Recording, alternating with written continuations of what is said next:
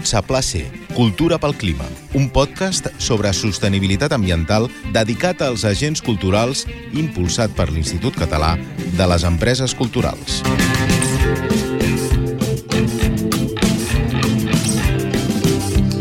Tots els que us dediqueu a aquesta bonica aventura que és la cultura i la creació, sou conscients del seu gran poder. Amb la seva força, la cultura és capaç de canviar mentalitats, de posar en marxa engranatges, de capgirar el sistema. I justament és el que ens fa falta per revertir l'emergència climàtica en la qual estem immersos. Obres, peces i projectes amb missatges transformadors per fer un món sostenible ambientalment parlant. Però són sostenibles els processos i les empreses que els fan possibles? Assumint el lideratge, des de l'Institut Català de les Empreses Culturals, es vol fomentar que això sigui possible. I per això tenim amb nosaltres el director de l'ISEC, en Miquel Quaranta, que, de fet, Miquel, benvingut. Hola, moltes gràcies. Aquest podcast podem dir que forma part d'aquest pla estratègic no? per fomentar la sostenibilitat ambiental a les empreses culturals. Els volem acompanyar una mica. Sí, és una de les mesures. De fet, ja fa temps que l'ISEC teníem clar que havíem de treballar en aquesta línia. Ja fa temps que anàvem incorporant tímidament petites mesures a les nostres línies de suport. Eh, el que necessitàvem era un full de ruta que ens ajudés no només a fer-ho amb més criteris, sinó que traslladar-ho també a la resta de sectors. No? En aquest sentit, el 2020 vàrem demanar al Conca, li vam encarregar si podia fer una radiografia sobre l'estat de la qüestió en l'àmbit de les empreses culturals. Eh, vaja, i malgrat la pandèmia vam seguir-hi treballant i, i ara fa uns mesos vàrem presentar aquest pla C, que és una mica aquest la conclusió de tot plegat és aquest full de ruta que ens ajuda a incorporar-ho amb més criteri. Et volia preguntar per l'acompanyament, però ja que em parles d'aquest estudi del 2020 del Conca, que era l'informe Lideratge ambiental en el sector cultural i creatiu català, la conclusió és que no arribava un 40% les organitzacions culturals catalanes que tenien pla d'actuació i que només un 14% el tenien actualitzat el que voleu aconseguir ara, el que es vol aconseguir és que siguin el 100%. Uh, ens agradaria que fos el 100%. En qualsevol cas, que abans de començar ja hi hagi 4 de cada 10 empreses que tinguessin aquesta mirada posada, um, vaja, en termes absoluts era, era, era poc, però sí que vam pensar, ah, doncs mira, pensava que estaríem pitjor. Um, volem aconseguir el 100% i volem aconseguir no només en termes d'eficiència i d'estalvi energètic, que segurament és uh, la guia per la qual les empreses han anat aplicant criteris de sostenibilitat, sinó que ho facin també per convenciment i que en aquella activitat eh, cultural que generin, amb els seus artistes, amb les seves productores, amb els seus, eh, amb els seus autors, amb els seus creadors, en definitiva, volem aconseguir que les empreses ens ajudin també a incorporar el missatge sostenible en les narratives d'aquells continguts que generin. Això es veurà molt clar avui amb el tema que, que farem, però parlem d'aquest acompanyament. Eh, això com es fa en concret? És a dir, donareu coneixement, com aquest podcast, eh, eines, línies de subvencions, recursos, és a sí. dir, com s'acompanyarà? Doncs això s'acompanya amb un pla que té tres, tres eixos eh, genèrics, tres objectius genèrics, 17 d'específics de, i 36 mesures entre les quals hi ha aquest podcast i que en aquest cas és, eh, forma part del PAC, diguem-ne, de difusió, de divulgació, però es fa també amb altres mesures més concretes. Per exemple, eh, en un moment determinat diem hem d'incorporar a les nostres línies criteris de sostenibilitat que condicionin l'accés o no als recursos públics que donem. I el que diem nosaltres és, d'acord, però abans fem un pas previ, que sigui, primer, ajudem a les empreses a fer, per exemple, estudis, consultories, per fer estudis de sostenibilitat, per aplicar mesures en cada d'empresa. Segon, generem una línia de suport de subvencions per implementar aquestes mesures. I quan nosaltres haguem posat totes aquestes eines per fer que la gent vagi eh, incorporant eh, tots aquests criteris en el seu dia a dia, més endavant, eh, ja agafarem les 70 línies que té l'Institut Català de les Empreses Culturals i començarem a aplicar-hi amb més rotunditat tot aquest tipus de criteris. Però sí, sí, com deies, hi ha doncs això, eh, 30, 36, 37 mesures específiques, algunes més formatives, d'altres més informatives, d'altres més divulgatives i d'altres més pràctiques com eh, línies de subvenció. De fet, aquest any 2022 ja hi hem destinat més d'un milió 250.000 euros, malgrat ser el primer any i malgrat haver començat a mitjans d'any. A la web vostra hi trobem informació sobre aquest pla. Sí, sí, és a dir, que les descomptat. empreses Sí, poden sí, anar sí. a buscar tot això. Eh? Hi ha, en el nostre web hi ha el pla sencer, hi ha, ja hi ha recursos específics, per exemple, pel sector de l'audiovisual i del cinema, hi ha una guia de bones pràctiques per fer el que s'anomena el green shooting, el green filming, no? per aplicar criteris a rodatges perquè siguin sostenibles. Hi ha guies també d'ecoedició. Vull dir que al nostre web, o al, al web de l'ISEC, hi ha un, un apartat específic que es diu Pla C Cultura pel Clima i aquí s'hi poden trobar tot de recursos. que nosaltres també els hi farem aquí en forma de, de podcast justament amb aquests temes que comentes. Només per acabar, clar, s'ha de començar per tenir la casa endreçada. És a dir, des de l'Institut mm. Català de les Empreses Culturals, Sí. interma, internament esteu fent coses per reduir també la vostra petjada ecològica. Sí, ens hi varen posar el 2019 eh, amb una cosa de la que jo estic molt orgullós, que, que és una, una mica patillero, que és rei segle, eh, que consistia en eliminar tots els plàstics de l'ISEC, eh, ampolles, vaja, tot el que eren plàstics, vam instal·lar fons d'aigua, vam prendre una sèrie de mesures en clau interna, vam començar a canviar enllumenat, eh, etc etc. Ara, um, amb aquest pla C recuperem, o recuperem, recuperem aquesta idea d'aplicar-nos a nosaltres mateixos i ja el pla C mateix ja contempla una sèrie de mesures perquè dins de la casa, i, i per casa l'ISEC té l'edifici, diguem-ne, d'oficines on hi ha, on hi ha la institució, però després gestionem dos, dos centres, dos equipaments, que són la Filmoteca de Catalunya, amb la seu que té el Raval, i el Centre de Restauració i Conservació que té a Terrassa, i l'Art Santa Mònica. Per tant, aquestes mesures internes que apliquem ja les apliquem eh, a, a tots els centres. De fet, no només això, sinó que a Santa Mònica l'any passat, a finals d'any... La Joana Moll us va fer una la Joana endreçada Moll total. Ens va fer, sí, sí, ens va fer una instal·lació eh, que és això, justament això que dèiem de les narratives, no? incorporant la narrativa artística a la necessitat de fer consciència climàtica. I la Joana Moll va fer una instal·lació que calculava la petjada de carboni que cadascuna de les activitats de Santa Mònica generava. I a partir d'aquesta petjada en reunions eh, que eren col·laboratives i voluntàries on hi podia participar qualsevol, es decidia com reduir la petjada que s'havia emès, per exemple, el dia anterior. I això ens va portar a tancar el centre. Vam dir, escolta, anem passats, s'ha de reduir un 50% les emissions eh, que generen doncs això, els convidats i el transport que agafen, l'enllumenat, l'aire condicionat, etc etc. s'han de reduir emissions i van prendre una decisió dràstica el mes de desembre que era tancar el centre una setmana justament per poder equilibrar. Sí, doncs uh, la Joana Moll també podria passar un dia per aquí, pel, Estarà encantada, pel segur. podcast. Uh, M'agradaria, no sé si quan s'acabi aquesta sèrie, però que algun dia tu i jo puguem tornar-nos a seure i fer balanç de com ha anat tot això. Potser serà el 2024, però serà maco que, que ens podem Sí. tornar a trobar i, i veiem una mica com ha anat. Serà bonic i, i no serà molt difícil perquè ja tenim una sèrie d'indicadors previstos que ens marcaran una mica si, si allò que estem fent, allò que en diuen la metodologia Lean Startup, no? una cosa funciona, segueixes endavant, no funciona, fas un pas enrere i tornes a provar fent- fent-ho diferent. Per tant, eh, quan vulguis. Miquel Coranta, moltíssimes gràcies, director de l'Institut Català de les Empreses Culturals, per venir una mica avui a inaugurar, a, a trencar l'ampolla de cava d'aquest podcast. Que vagi molt bé. Que no és sostenible, això. No, bueno, eh, el reciclarem. Exacte.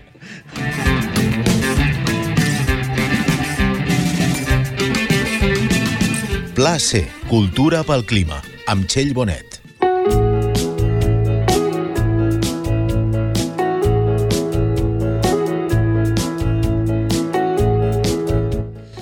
Sostenibilitat ambiental a les empreses culturals. Queda molt bonic, però són paraules grosses, molt políticament correctes, però perquè cobrin vida, perquè passem una mica a l'acció, hem d'anar a la cosa concreta. I avui ens centrem en aquest fantàstic món dels llibres i en la petjada ecològica de tota la indústria editorial. S'imprimeix molt més del que es ven? El paper o la impressió ens venen de l'altra punta del món? Quina és la gestió d'aquests boscos i dels residus d'aquesta indústria? Consumeix més carboni el dispositiu d'un llibre electrònic que el llibre imprès? Quan entres en aquest món de l'ecoedició, són moltes les preguntes. I avui volem parlar justament d'aquesta manera innovadora de gestionar les publicacions sota, sota criteris de sostenibilitat. Prendrem una mica el pols a com s'estan fent les coses a casa nostra, perquè som conscients de quan contaminem, de que ho podem minimitzar, i a més a més de la importància de comunicar la feina ben feta als lectors, criteris que tenen molt clars, això sí, els nostres convidats d'avui, que alguns d'ells estan impulsant també l'Institut Català de Coedició, com és el cas del Jordi Panyella. Bones. Bon dia. En Jordi, editor de Polen i també, com dèiem, impulsor d'aquest Institut de Coedició, junt amb altres editorials com Coma Negra o Nanit Edicions, jo, si em permets, et presento com un pioner no? a casa nostra de, del que seria l'edició conscient o de l'ecoedició, perquè portes molts anys en aquesta trinxera. És veritat que porto molts anys, però no, no, o sigui, m'he sumat a la feina que, que ja feia molta gent abans que jo i ara pues, eh, caminem amb, amb moltes persones no? que també estan aquí en aquesta taula. Doncs una d'elles és la Laia Figueres, editora de Nanit Edicions i responsable de la primera fira del llibre local i conscient a les Presses, que de fet és una trobada oberta al públic, amb una fira de llibres, inclou justament llibres editats localment i conscients, però que serveix per crear aliances entre el sector, no?, aquesta fira. Laia, benvinguda. Gràcies. Exacte, aquest és l'objectiu, sumar i tirar cap endavant amb una producció sostenible. Tenim també amb nosaltres la Marta Escamilla, benvinguda. Tens un currículum molt llarg, eh, Marta? A veure, llicenciada en Ciències Ambientals, és que sempre ho dic perquè és que ens fa falta ciència en el món de la cultura, experta en gestió ambiental, anàlisi, del cicle de vida i estudis d'ecodisseny, dels nous models de negoci circulars, les estratègies de comunicació ambiental, és a dir, tot el que toquem, toquem avui, tot això des de l'àrea de sostenibilitat del Centre Tecnològic eh, Lleialtat. I, de fet, tu també estàs remant una mica perquè es faci possible aquest institut, però a part fent experiments i eines des de fa una dècada. Això, intentem posar una mica no, de, de números i d'aquesta informació científica i veraç per, per poder anar millorant. I uh, la quarta pota de la cadira d'avui és la, la, la Marta Lorés. Marta, benvinguda. Gràcies, Txell, bon dia. La Marta és editora de Thori Books, una editorial que està sensibilitzada amb les uh, conseqüències de l'escalfament global i altres desastres ambientals que estan provocant doncs, que, que el nostre planeta, espècies com la nostra i moltes altres, no tinguin eh, la vida que caldria, perquè de fet el planeta si és una bola de foc o està ple de gel és igual, som nosaltres els que anem de, de davallada i, i us hem convidat sobretot perquè, a part d'aquesta filosofia que teniu, heu creat comunitat a través de, del club de, del petit activista per anar una mica més enllà, no? amb els lectors més petits. Per què voleu tenir aquesta èmfasi en, en editar productes i llibres molt en, parlant de la conservació de l'entorn, de la consciència social, podríeu fer una altra cosa i feu aquesta? En realitat fem diverses coses, però aquesta, a nivell de consciència, vam pensar que, que era important, era important que els nens poguessin accedir a tota la informació, que poguessin saber què feien altres nens del món, que sabessin iniciatives globals i després que prenguessin part, que, que decidissin ells, amb la qual cosa el que fem a vegades és que tenim projectes ambientals que apadrinem i fem votar, per exemple, els nens perquè votin el projecte que prefereixen que tirem endavant. Volem implicar-los i informar-los. Des dels sectors culturals tenim un pla per fer aquest món més sostenible. És el Pla C Cultura pel Clima. T'hi apuntes?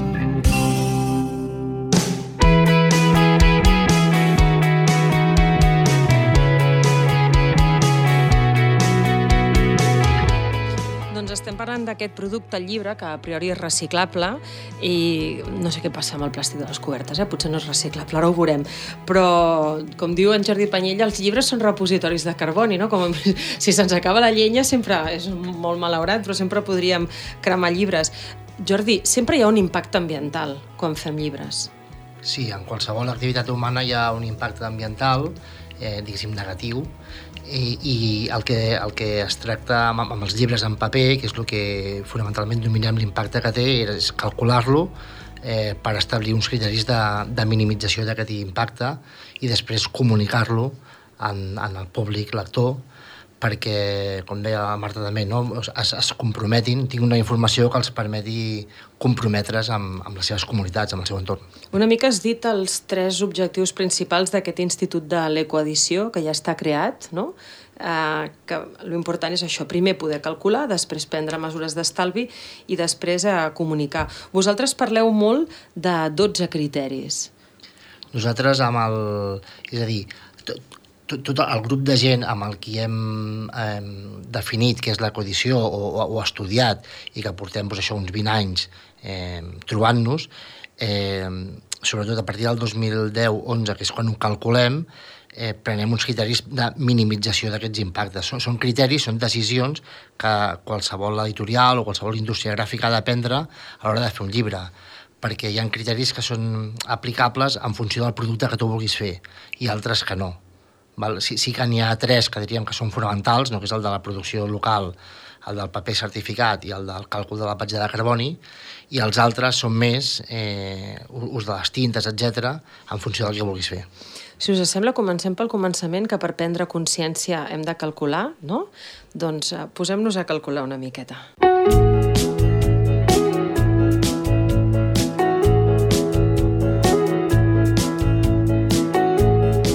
Eines, guies i recursos per fer possible el Pla C.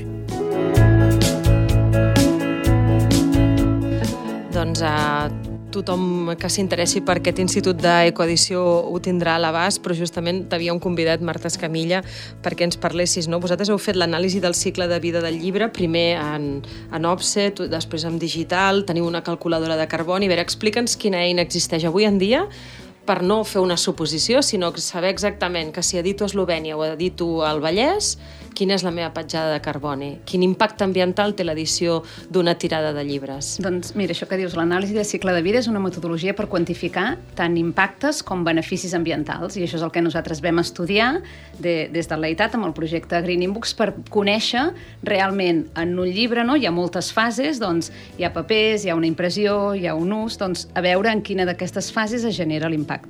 Llavors nosaltres vam fer aquests càlculs, primer amb offset, com deies, perquè fa 12 anys no? és el que més es, s'imprimia i ara també en digital. Llavors, a partir de tota aquesta informació que vam treure, no? vam fer diferents llibres, tipus de revistes, doncs amb tota aquesta informació vam crear un software, que és el, el BookDapper, que ara estarà disponible a l'Institut de l'Ecoedició per, per poder calcular perquè gent que no sigui experta ambiental puguin amb aquesta eina, posant simplement les dades que ells sí que saben, com doncs, quin serà el format del llibre, quantes pàgines, la tirada, doncs posant aquestes dades que, que ells coneixen, puguin tenir un resultat que és la petjada de carboni i tres indicadors més ambientals, el que n'hi diem la motxilla ecològica.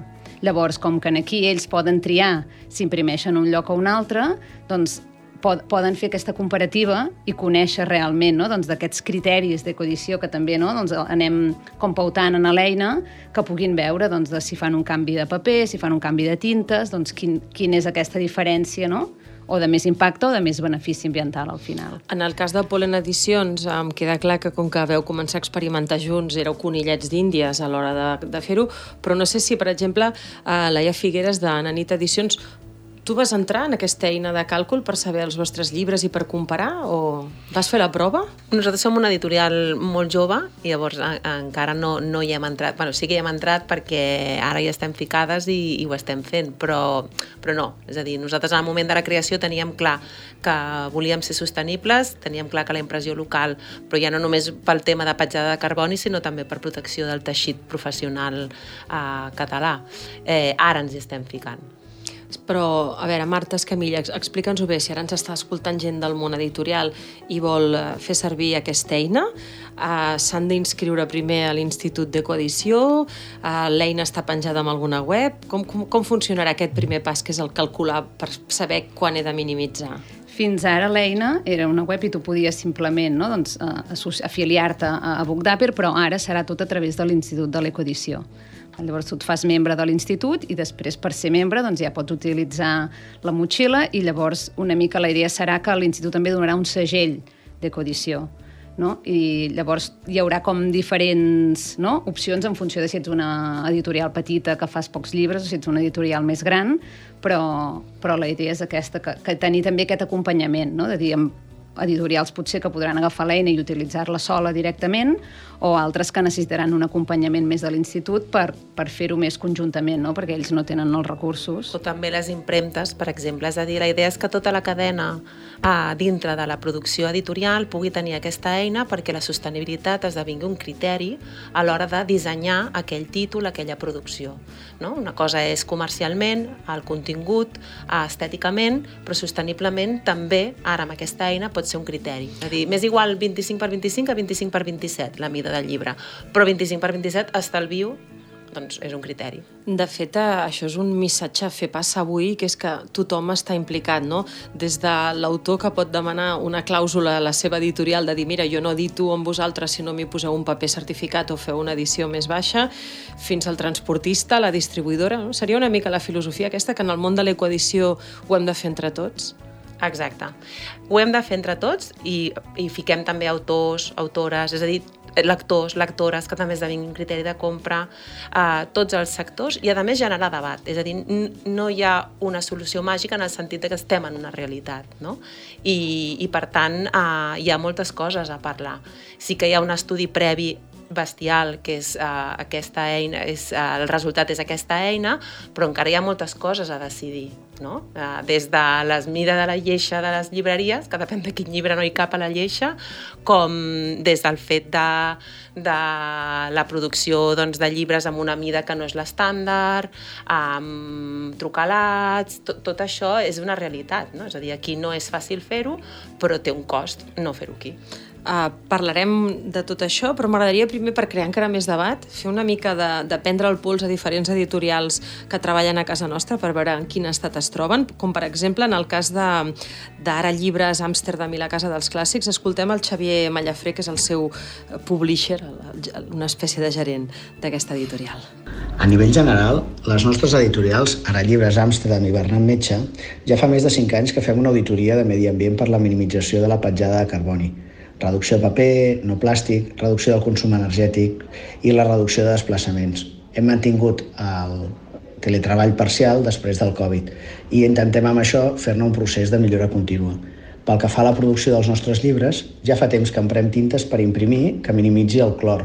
Tot i que encara no hem pogut aplicar tinta sense clor, doncs taca els dits del lector, com ja passa amb alguns diaris, i suposem que això ho podrem resoldre tecnològicament ben aviat.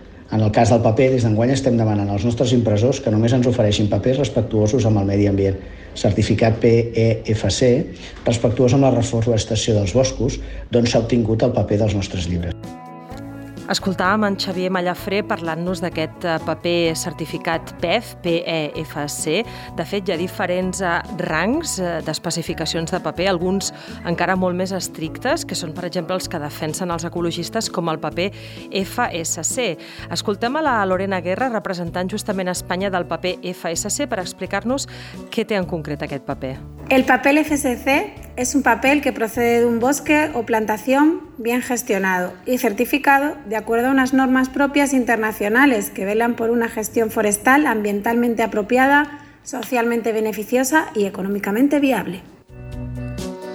És tot un tema, no?, el tema de, del paper. Mm, no sé què, si em podeu dir alguna cosa dels papers que feu servir, dels papers que ens venen, perquè, per exemple, jo llegint una espècie de, de protocol ètic que té la gent de Errata Natura, eh, una editorial de, de la península, eh, és, és tot un tema, no?, perquè depèn d'on el vagis a buscar, els quilòmetres que fa, els litros d'aigua que gasta, llavors, clar, te n'has d'enrefiar de qui el certifica o fer-te el teu propi paper, gairebé, no? Sí, jo, jo crec que el, el tema del paper és, és fonamental perquè en, en l'anàlisi de cicle de vida del llibre que va fer l'EITAT sabem que l'impacte ambiental del llibre, el 50%, en el cas offset i ben bé el 80% en el cas digital, és el paper. Per tant, escollir un paper que minimitzi el seu impacte ambiental és fonamental. Mm, de totes maneres, estem parlant de criteris i, com dèiem abans, no? de, depèn del que vulguis fer, has d'escollir de, una cosa o una altra nosaltres ara mateix, eh, a l'Institut de l'Ecodició, el que recomanem és paper certificat FSC i paper eh, 100% reciclat, que també té la certificació FSC. Val? Eh, es basa en un estàndard internacional que després té unes aplicacions, diguéssim, nacionals o, o territorials que poden variar. I llavors, també, amb, amb, amb, amb, el, amb el que fa el Natural és molt interessant, perquè ells investiguen exactament la procedència del, del paper que, que fan servir en la, en la seva editorial. Ara mateix FSC no, no, no, no et certifica l'origen del paper, o sigui, no et certifica... O sigui, eh, tu pots fer servir paper FSC a Catalunya que prové, doncs, jo sé, de Finlàndia o inclús de la Xina. Val? O sigui, amb això ara no s'hi fiquen, però estan començant a, a mirar-ho pot ser de fora, però sí que saps segur que el bosc d'on ha sortit sí. aquell paper s'ha gestionat de manera sostenible. Això sí, eh, que t'ho asseguren? Doncs eh, jo parlava, per exemple, amb eh, l'Ignasi Conde, director de compres editorial de, de Planeta, que em deia nosaltres a vegades tenim estocs de diferents papers certificats, però com que els barregem perquè som una editorial molt gran, després no podem posar el segell perquè hem barrejat estocs. Vull dir que el món de les certificacions és tot un món, esperem que des de l'Institut també s'ajudi a posar ordre en tot això. I ell també parlava d'aquest tema de la importància de la comunicació. Doncs crec que al sector tenim l'oportunitat de millorar en quant a comunicació Tenim un munt de canals de comunicació, incloent les xarxes socials, on podem donar a conèixer a tots els lectors què hem fet, que ja és molt, i tot el que estem fent per una edició cada cop més sostenible. Doncs a part de treballar en papers certificats, per exemple, estem fent proves per substituir el laminat de les cobertes dels llibres per materials biodegradables i també estem investigant, per exemple, en les escoles que s'utilitzen en el procés d'enquadernació no podia evitar preguntar-los pel tema de la sobreproducció, perquè, clar, estem en un sistema que porta a produir més del que es vendrà, mm, imprimir moltíssim per estar present a totes les llibreries, tenim unes novetats molt assídues i uns llibres amb una vida potser una miqueta massa curta. Tota la indústria editorial treballem ja des de fa temps en mesures per evitar la sobreproducció. De fet, eh, estem utilitzant cada cop més impressió digital sota demanda, que ens permet ajustar la producció a la seva necessitat real. Ah, vam parlar també amb la Carlota Delamo, directora de comunicació corporativa de Penguin Random House, sobre aquest tema també de la sobreproducció. Es verdad que, hay, que se publican muchos títulos en España, eh, pero estamos viviendo un momento en el que los índices de devolución son los más bajos de los últimos años. Esto quiere decir que gracias a cosas como el Big Data se publican eh, gran cantidad de títulos, pero los títulos se publican eh, para poder llegar a todos y para que el número de ejemplares que se publica por cada título sea aquel que pueda ser absorbido por, por las librerías y por, y por, los lugares donde se venden los libros. Eh, se ha trabajado muchísimo además en la mejora continua de la cadena de suministros y en hacer que el proceso sea más sostenible y eficaz. Eh, es un aspecto que preocupa a todo el mundo, pero que especialmente en los tres últimos años se ha avanzado mucho.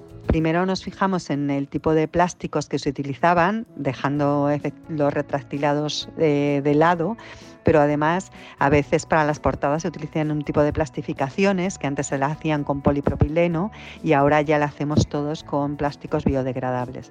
Y por otro lado estaba el tema de las tintas, ¿no? Como sabéis, las tintas minerales pues son más eh, dañinas para el medio ambiente que las tintas vegetales y lo que estamos intentando es que todos nuestros libros se empiecen a producir con tintas vegetales. Además, hay otra parte importante que es todo, todo el CO2 que se genera cuando tú compras el papel y por eso lo que hacemos es comprarlo dentro de Europa y no ir más lejos porque, porque el transporte eh, es muy contaminante y eh, donde imprimimos nuestros libros para luego ser, eh, ser distribuidos en España o, y en Cataluña. Y en ese tema lo que hacemos es que todas nuestras imprentas, todos los libros que imprimimos se, se, imprimen en, en localmente, se imprimen dentro del de, país. Doncs hem escoltat a dos grans editorials també. Eh, no sé si voleu fer comentaris sobre aquest tema de la sobreproducció, d'haver d'estar present a tot arreu, perquè em comentàveu no? abans, quan preparàvem el programa, que cal fer un debat real del que s'arriba a produir i del que s'arriba després a vendre. Sí, el que passa que també s'ha dit una cosa molt important, si anem per ordre, que ha sigut la comunicació. I jo crec que això és bàsic, és a dir, ja es fan coses molt ben fetes, no? Per exemple, en aquesta primera fira de llibre local i, i sostenible, un dels requisits era que tots els llibres que s'hi ofereixin estiguin impresos localment, és a dir, que estiguin impresos en el lloc de distribució. Temíem que fos eh, massa restrictiu i no s'hi poguessin presentar massa editorials. La realitat és que 25 editorials i dues llibreries eh, tenen prou títols com per oferir una parada. Això vol dir que ja hi ha moltes coses que es fan ben fetes, però que potser no es comuniquen i no es diuen i no, no es transmet aquesta idea. De fet, una mica des de l'institut, la filosofia que voleu és aquesta, que pugui haver-hi com aquest segell estàndard que serveixi per comunicar tot això i que si ho feu moltes editorials juntes doni més força. Clar, i que el lector pugui reconèixer aquest segell d'un llibre coeditat, no? encara que no sàpiga els detalls de quins són els criteris que s'han aplicat a aquest llibre, però que reconegui el segell com que, que hi ha hagut un, no? una millora. ambiental. I el que deies, no? de, i que aquesta millora pot ser en qualsevol dels punts, és a dir, no només no, el paper o no només a la impremta, sinó que també això amb la distribució, o sigui, to, tota la cadena de valor implicada. Una cosa important és que avui parlem d'aquest Institut d'Ecoedició perquè és el que s'està impulsant des del sector català, però Jordi, tu em comentaves, l'important és que es faci alguna cosa, és a dir, que, que, que es demani algun tipus de criteri. No cal que sigui exactament a través del segell que dongui l'Institut d'Ecoedició. Explica-ho tu amb les teves paraules. Sí, jo crec que, que el, el que deia en, Miquel 40 no, abans, l'important eh, en, en aquesta resposta a l'emergència climàtica tothom pot fer coses, però sí que hi ha una, un, unes agències no, que te, tenim més responsabilitat. En el cas de l'ecoedició, per descomptat, el sector editorial i, i, el, i el parc gràfic perquè generem més impacte. L'administració pública què pot fer? Pot definir uns criteris exclusius, és a dir, les editorials que vulguem optar a, a, rebre ajudes públiques per fer llibres haurem de complir aquests criteris. Aquests criteris han d'estar verificats per una entitat tercera, Val? No pot ser dir, ah, sí, sí, jo ho compleixo. No, no. Qui, qui controla que això ho compleixes? Ara mateix l'institut ho controla eh, i, i, otorgant aquest segell. Val? Però poden aparèixer altres, altres institucions, altres organismes que també ho fagin. Al, al, al final l'important, crec jo, és que es faci. Doncs per poder-ho fer ha de ser possible poder-se fer i, per exemple, avui també volem fer una mica un bany de, de realitat en el cas de moltes vegades que, sobretot en el sector del llibre infantil, hem parlat amb moltes editorials, no només amb, amb Theory Books, dient-nos que a vegades certs productes els hi feia molt difícil poder-los fer de, de manera local. Marta Lorés, tu que ho vius a les pròpies carns, eh, explica'ns una mica algunes dificultats. Bueno, realment és així. Ara estava pensant si nosaltres podríem accedir al segell i jo crec que no, perquè molts dels títols els hem d'imprimir fora a la força, perquè aquí és impossible. Els, els impressors no estan preparats per fer llibres rodons, per fer algun tipus de desplegable en especial, i ho hem intentat repetidament i, i llavors ens n'hem d'anar, ens n'hem d'anar a altres països d'Europa de l'Est, ens n'hem d'anar a la Xina, perquè si no són llibres que senzillament no, existi, no existirien. I per nosaltres són llibres importants de divulgació cultural i científica que fan un bé, que aporten valor. Llavors, si hem de triar entre fer-los i no fer-los, doncs triem fer-los. A banda d'això, tots els nostres llibres des de fa ben bé 3 anys, tots porten el segell FSC, és a dir, no hi ha cap llibre que no estigui fet en paper certificat de boscos sostenibles. I les, les empreses i les impremtes amb les que treballem tenen una tasca medioambiental al darrere molt forta, molt forta. Per exemple, una de les impremtes que està a Eslovènia doncs estan treballant activament per, per crear també una calculadora que estarà a final d'aquest any. Reciclen energia, eh, reciclen eh, eh, les mateixes màquines impressores. Vull dir que es fa molta feina, però el tema local a vegades ens falla. Ho intentem sempre, eh? sempre és la primera opció però si no podem, fem la segona opció, que és Europa, i si Europa no pot, ens anem a, a la Xina. No, no hi ha més remei aquest és el debat necessari, jo crec, no? El, el, la idea de l'Institut de l'Ecoedició és aquesta, és a dir, unim-nos totes les, els, els que formem part d'aquesta cadena, eh, que tenim tots la mateixa prioritat, és a dir, que hi hagi una producció editorial a Catalunya que sigui de qualitat en tots els sentits i veiem quins problemes ens trobem, no? El fet de formar part de l'Institut de l'Ecoedició el que et permet és accés a aquesta eina amb el que deies, no? No només la impressió local, és que hi ha moltes altres coses a tenir en compte, no? I gràcies a aquesta eina doncs, les pots con uh, controlar i, i, i pots informar-te a tu mateixa de saber quin és l'impacte d'aquell títol que estàs produint, uh, tens uh, recursos per modificar-ne l'impacte i a partir d'aquí, amb aquesta informació, tu pots gestionar-la i pots comunicar-la, no? que és el que dèiem abans. Tots els nostres llibres estan impresos en paper FC. Important dir-ho. Important dir-ho i que el logo se'ls quedi la gent al cap i ja no, no es plantegin cap llibre que no tingui el logo. Bueno, això és molt restrictiu, eh? Vull dir, al final... Però no és la paraula, difícil. Però la es fa, para- es fa quan, amb, els amb el menjar, moltes vegades la gent busca comprar productes Ah, eh, exacte, és el amb, que no tinc, que siguin biològics o que Exacte. vinguin d'una proximitat. Aquest llibre fantàstic eh, que ens heu portat, que és el llibre rodó, no? Aquest Sí. llibre de l'Antàrtida, a veure, que l'agafo. No. Explora l'Antàrtida en 360 graus i, clar, és com una espècie de, de, de semicercle, no?, del, del que seria allò, la part final de, del món.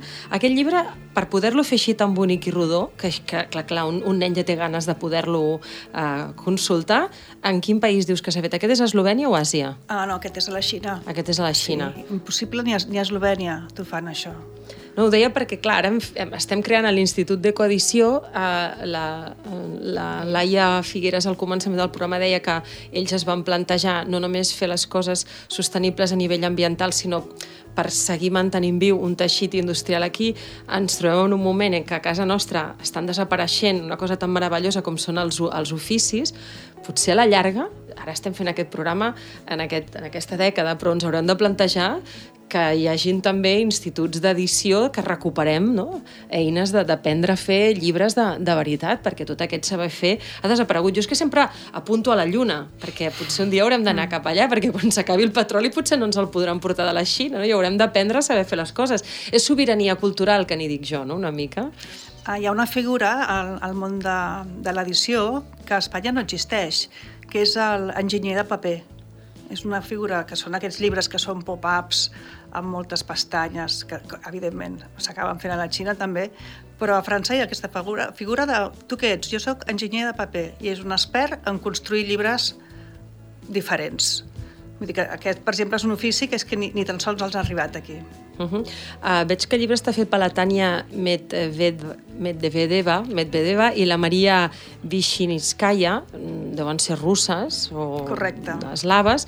Uh, de, vosaltres com us ho feu? Perquè em sembla que la, la, teniu 22 col·laboracions internacionals. Clar, quan les editorials també tenen potes tan a fora, a vegades també és complicat poder fer la- l'edició local, no? Aviam, nosaltres, una de les potes fortes de, de Zahorí és la venda internacional, tant de drets com de coedicions. Aleshores, abans de treure un llibre, nosaltres el presentem a les fires, sempre, esperem, sempre li busquem que tingui un punt internacional, de manera que no estigui centrat molt localment, perquè si està centrat localment és impossible vendre'l fora, que tothom s'hi senti identificat i, i aleshores amb, aquesta, amb aquestes primeres reunions a les fires comencem a, a fer el llibre. Normalment, ja d'entrada se'ns apunten tres o quatre editorials diferents, italianes, xineses, eh, coreanes, americanes, i llavors sempre acabem fent coedicions, coedicions dels llibres. I depèn del, del tipus de llibre que sigui, el fem aquí o el fem a la Xina. I llavors des d'aquí també s'envien llibres a tot el món. Aquesta, aquesta tasca es fa. No sé si voleu dir alguna cosa de consells que es poden donar a les editorials justament quan tenen aquest caire tan internacional, perquè, clar, igual que altres eh, empreses i indústries, passen al món editorial. Sí, jo, crec que el, el, el, quan, quan, la, quan la coedició diem que marca uns criteris que tu has d'aplicar en funció del que vulguis fer. Vull dir, si, si hi ha una cosa que no pots fer, i, i el que deia la Marta, no? I, tu, la, i la vols fer, la necessites fer, i, i és possible, doncs, doncs està bé fer-ho. L'altra cosa és que, per descomptat, això ho pots fer perquè eh, hi ha unes condicions en aquests països que et permeten fer-ho i aquestes condicions estan canviant. S'està parlant d'una o sigui, es va parlar d'una deslocalització de l'economia o de la producció i ara s'està parlant d'una relocalització de l'economia i de la producció. Jo crec que és interessant que amb, amb aquestes trobades i amb aquests... O sigui, nosaltres som una cosa molt petita, però modestament, si podem contribuir a relocalitzar la, la producció gràfica o incorporar la, la gent que es dedica a l'enginyeria de paper a Catalunya, doncs, doncs bueno, estarem construint el que tu deies, que és sobirania cultural, sobirania econòmica, perquè al final qui llegirà aquests llibres és la gent que parla català, que fonamentalment viu a Catalunya.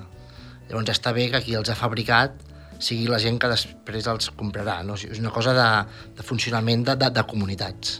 Tot i així, ara ens hem posat en un to molt internacional i jo he de dir que per presumir, per treure una mica a pit a, a la resta del món editorial, sobretot a l'Amèrica Llatina, hi ha un cert interès pel que s'està fent amb Eco Edició aquí a Catalunya, perquè de fet heu assessorat a la Universitat Nacional Autònoma de Mèxic, a la UNAM, on us van convidar i ens ho explica el Camilo Ayala Ochoa, organització de la Fira del Llibre en aquest país.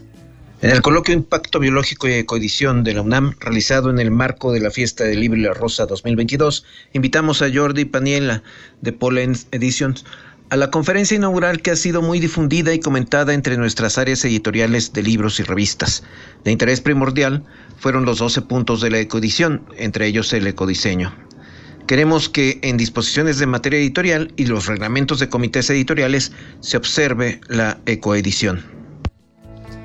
Doncs eh, ens n'alegrem que des de l'estranger també es miri una mica el que es fa a casa nostra i ha arribat el moment del programa que com que aquí sobre la taula tenim aquest llibre d'Explora l'Antàrtida i alguns altres, m'agradaria que féssim una miqueta de recomanacions. Pla C. Cultura pel clima. Perquè la cultura és un motor de canvi per fer aquest món més sostenible.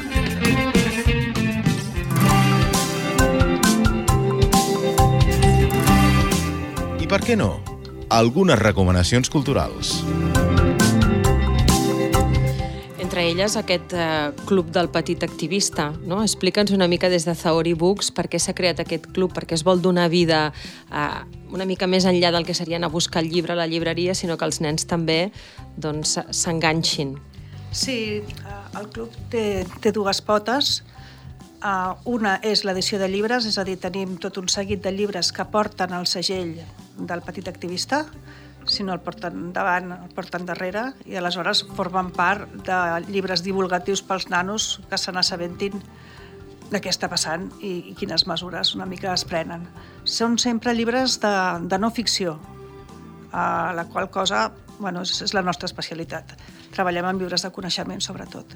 I poden anar des de llibres uh, jo què sé, sobre els immigrants que creuen en patera al Mediterrani per arribar fins aquí, un llibre, per exemple, que vam fer en coedició amb la Creu Roja, o el retorn dels llops al parc de Yellowstone, o com s'ho fa l'os per sobreviure a, a, a Groenlàndia. Bueno, són temes diversos, sempre amb el denominador comú d'arribar als nens i d'implicar-los emocionalment. Però els nens poden entrar en una web, subscriure's, llavors creen una espècie de comunitat que va més enllà dels llibres en si, no? Correcte, sí, sí, sí. Nosaltres el que fem és els hi fem un carnet de petit activista, uh, tenim unes xarxes molt actives, a Instagram i a Facebook, i allà diàriament o cada dos dies anem penjant notícies sobre, sobre què passa al món.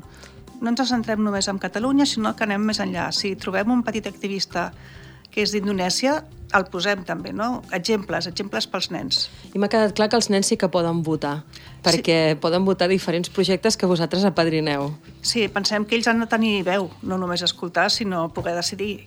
I aleshores, cada, cada cert temps, eh, creem busquem projectes que ens semblin interessants, els proposem, tres o quatre als diferents nens, hi ha tres o quatre projectes diferents i ells trien i el projecte guanyador és en el que ens involucrem. Doncs en aquesta última part del programa mm, ho dèiem al principi, tenim clar que la cultura pot tenir un paper actiu en la preservació del medi ambient aprofitant el seu poder, el seu potencial transformador i és per això que ara ens centrem en unes recomanacions com Contes per salvar el planeta, dita justament per Planeta. Escoltem a l'Anna Casals, la seva autora.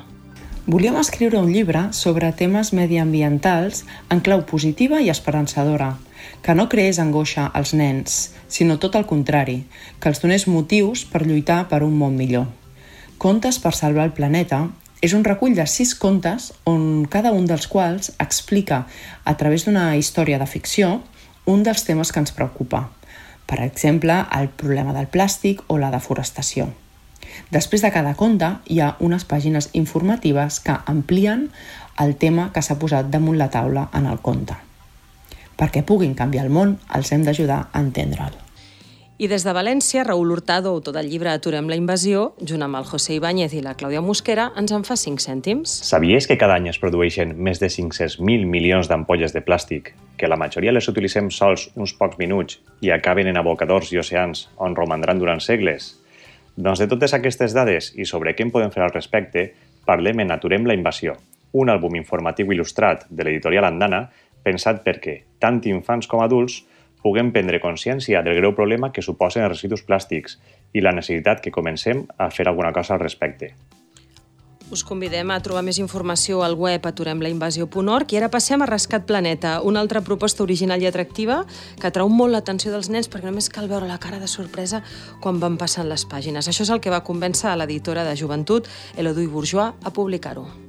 Avui us volem presentar Rescat Planeta, realitzat per Patrick George i publicat per Editorial Joventut.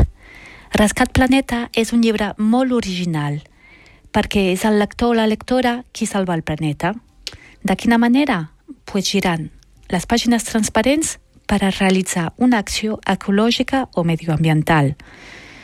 Girant la pàgina pots apagar els llums, fer l'aire més pur, estalviar energia o reciclar residus. És un llibre molt sorprenent on la lectora o el lector és l'heroi per salvar el planeta. I escoltem la proposta de la Noemí Mercader, que és l'editora de Convel i de Bambú, que ens explica també una història molt interessant.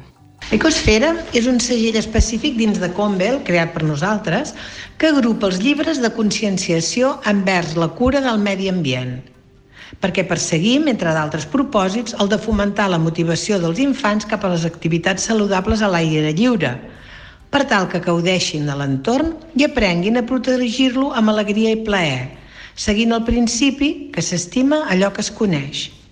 Procurem fomentar l'educació per la sostenibilitat, defugint solucions fàcils i precipitades, perquè creiem que és justament l'educació la que pot fer canviar les coses i ajudar-nos a construir aquest món millor que tots anhelem. Dins d'aquest segell de l'Ecosfera, mm, podríem dir que el vam eh, iniciar amb el 12 coses per viure abans de fer-te gran, un llibre que ens va portar al coneixement de la Teresa Franquesa i que és una de les autores que a més a més ens serveix d'especialista una mica a l'hora d'escollir els temes. D'ella mateixa també recomanaríem Sota la teva ombra, un llibre fantàstic sobre les possibilitats que té un arbre també molt bonic Els salvatges a la ciutat, dibuixat pel Pep Montserrat, també de la Teresa Franquesa, i després una peça que hem tret recentment de la Patricia de Geis, que és meravellosa, que és Mira què menges, que és a partir del concepte del que es pot d'alimentació, no? anar enfilant tot de temes fonamentals sobre sostenibilitat. I passem a la Patricia Campana, directora editorial d'Infantil i Juvenil del grup 62. La història de la Greta és una biografia de l'activista sueca Greta Thunberg, escrita per a lectors d'uns 8-9 anys i que es llegeix com si fos una narració. És la història d'un gran coratge i una gran determinació que pot inspirar els joves a lluitar pel clima, perquè entenguin que, encara que siguin petits, com la Greta, es poden aconseguir grans victòries, començant pel nostre entorn més immediat. Un llibre que ens convida a l'esperança que canviar el món és possible. I l'ambientòloga, consultora i educadora ambiental Clara Montaner acaba de publicar justament en Polen Hola Vida, contes creatius per inspirar l'activisme ambiental. Hola Vida recopila quatre contes de final obert que plantegen divertits reptes ambientals per a resoldre amb els dibuixos i idees de la canalla. Aquest format participatiu permet despertar la creativitat i l'esperit crític en pro del respecte i la convivència. Alhora es transmeten de manera entenedora conceptes d'ecologia com a ecosistema o evolució. El projecte va néixer com un conte-contes al carrer en el marc de la iniciativa del Parking Day i posteriorment es va plasmar en format llibre gràcies a les il·lustracions de l'Alice Kineke i la contribució a totes les persones que van participar en un crowdfunding per poder imprimir el llibre. Espero que us sembli engrescador i si és del vostre interès el podeu trobar al web de l'editorial Poland. I més enllà de, dels llibres i les col·leccions no podien faltar dues recomanacions. Una d'ells és una llibreria on trobareu molts d'aquests llibres. Eh, la llibreria Alins, eh, que ens comenta la seva, diguéssim, propietària, la Meritxell Álvarez. Natura Llibres és una llibreria especialitzada en natura i muntanya i estem ubicats en un poblet del Pallars Sobirà, a Lins, dins el Parc Natural de l'Alt Pirineu. Que penso que és el millor lloc per una llibreria que té com a objectiu apropar-nos a la natura a través de la literatura. A Natura Llibres hi trobareu mapes del Pirineu i guies de natura, però sobretot literatura, és a dir, novel·les i assajos on la muntanya, els boscos, les plantes, els animals i la preocupació pel medi ambient són els protagonistes. I bé, us esperem quan vulgueu entre muntanyes de llibres. Com és que la Meritxell es va atrevir a obrir una llibreria en plena muntanya en un poble que té una mica més de 80 habitants? Doncs necessitava escapar-me de la ciutat, eh, viure en un poble petit, a la mida humana, com a Lins, prop de la natura. I vaig triar el poble on va néixer la meva iaia però necessitava instal·lar-me en un projecte enriquidor per a mi i pel territori i, i, i així va brotar Natura Llibres, una mica de l'amor per la muntanya i pels llibres. I acabem recomanant-vos la Biblioteca Collserola Josep Miracle, que està enmig de, de Vallvidrera, i parlem amb la Núria Flor, la seva directora de projectes, que ens explica alguns molt innovadors que estan portant a terme. El servei de préstec Bibliollavors és un servei de préstec de llavors en el qual prestem llavors als usuaris i aquests es comprometen a multiplicar-les i a tornar-les a la biblioteca. Tot això ho fem de la mà del Banc de Llavors Can Mandó, en Damià Givernet, i també de l'associació Lera, s'incorporaran d'altres associacions també, en el que aquests ens proporcionen les llavors i tallers per tal d'acompanyar a l'usuari a tenir èxit en aquest repte. Això forma part d'un projecte global de la biblioteca que es diu Biblionatura, Collserola, en el que nosaltres estem especialitzats en literatura de natura i sostenibilitat. Oferim un club de lectura de literatura de natura, el conductor és el Gavi Martínez, a més estem preparant un festival de literatura de natura també, en el que vindran autors eh, internacionals i nacionals, oferim activitats infantils, xerrades d'adults, etc. També visites escolars especialitzades. Ara m'ha fet pensar en aquells papers que porten llavors incorporades. Sabeu quins vull dir o no? Sí, que també donen una segona, una segona vida. Doncs amb totes aquestes recomanacions en tenim per, per estona, però um, ara, abans d'acabar, m'agradaria com que cadascun de vosaltres em pogués fer com una frase una mica de conclusions, però a mi se m'havia quedat molt això, que potser ja ho hem dit, eh, però de repetir-ho, les ajudes al decreixement. No? Ja que estem fent un programa eh, que es fa des de l'administració i l'administració promou la producció a vegades en aquesta societat tan accelerada, no? que, que volem fer tantes coses i per això anem com anem, potser podem fer menys i millor? Jo crec que sí. A més, nosaltres que fem llibres en paper, la, la lectura en paper és una, eh, una, una, una activitat, diguéssim, pausada, eh, doncs, tranquil·la, conscient, que en un món accelerat doncs no, no, no té lloc i, i, i d'alguna manera en un món hiperproductivista doncs, tampoc té lloc. No?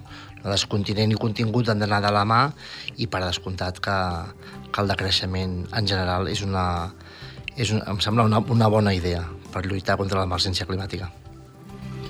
Jo el còctel de paraules afegiria consciència també, no? És a dir, el decreixement no deixa de ser una consciència de dir què estem fent, cal, uh, prenem decisions al respecte.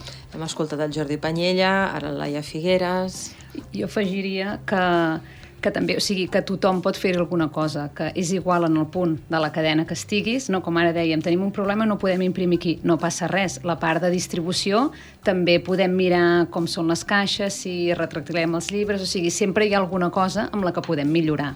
La Marta Escamilla sempre tan optimista. Marta Lorés. Jo crec que hi ha una part de responsabilitat eh, social i, i individual que s'ha de reflectir en el, en el món dels llibres.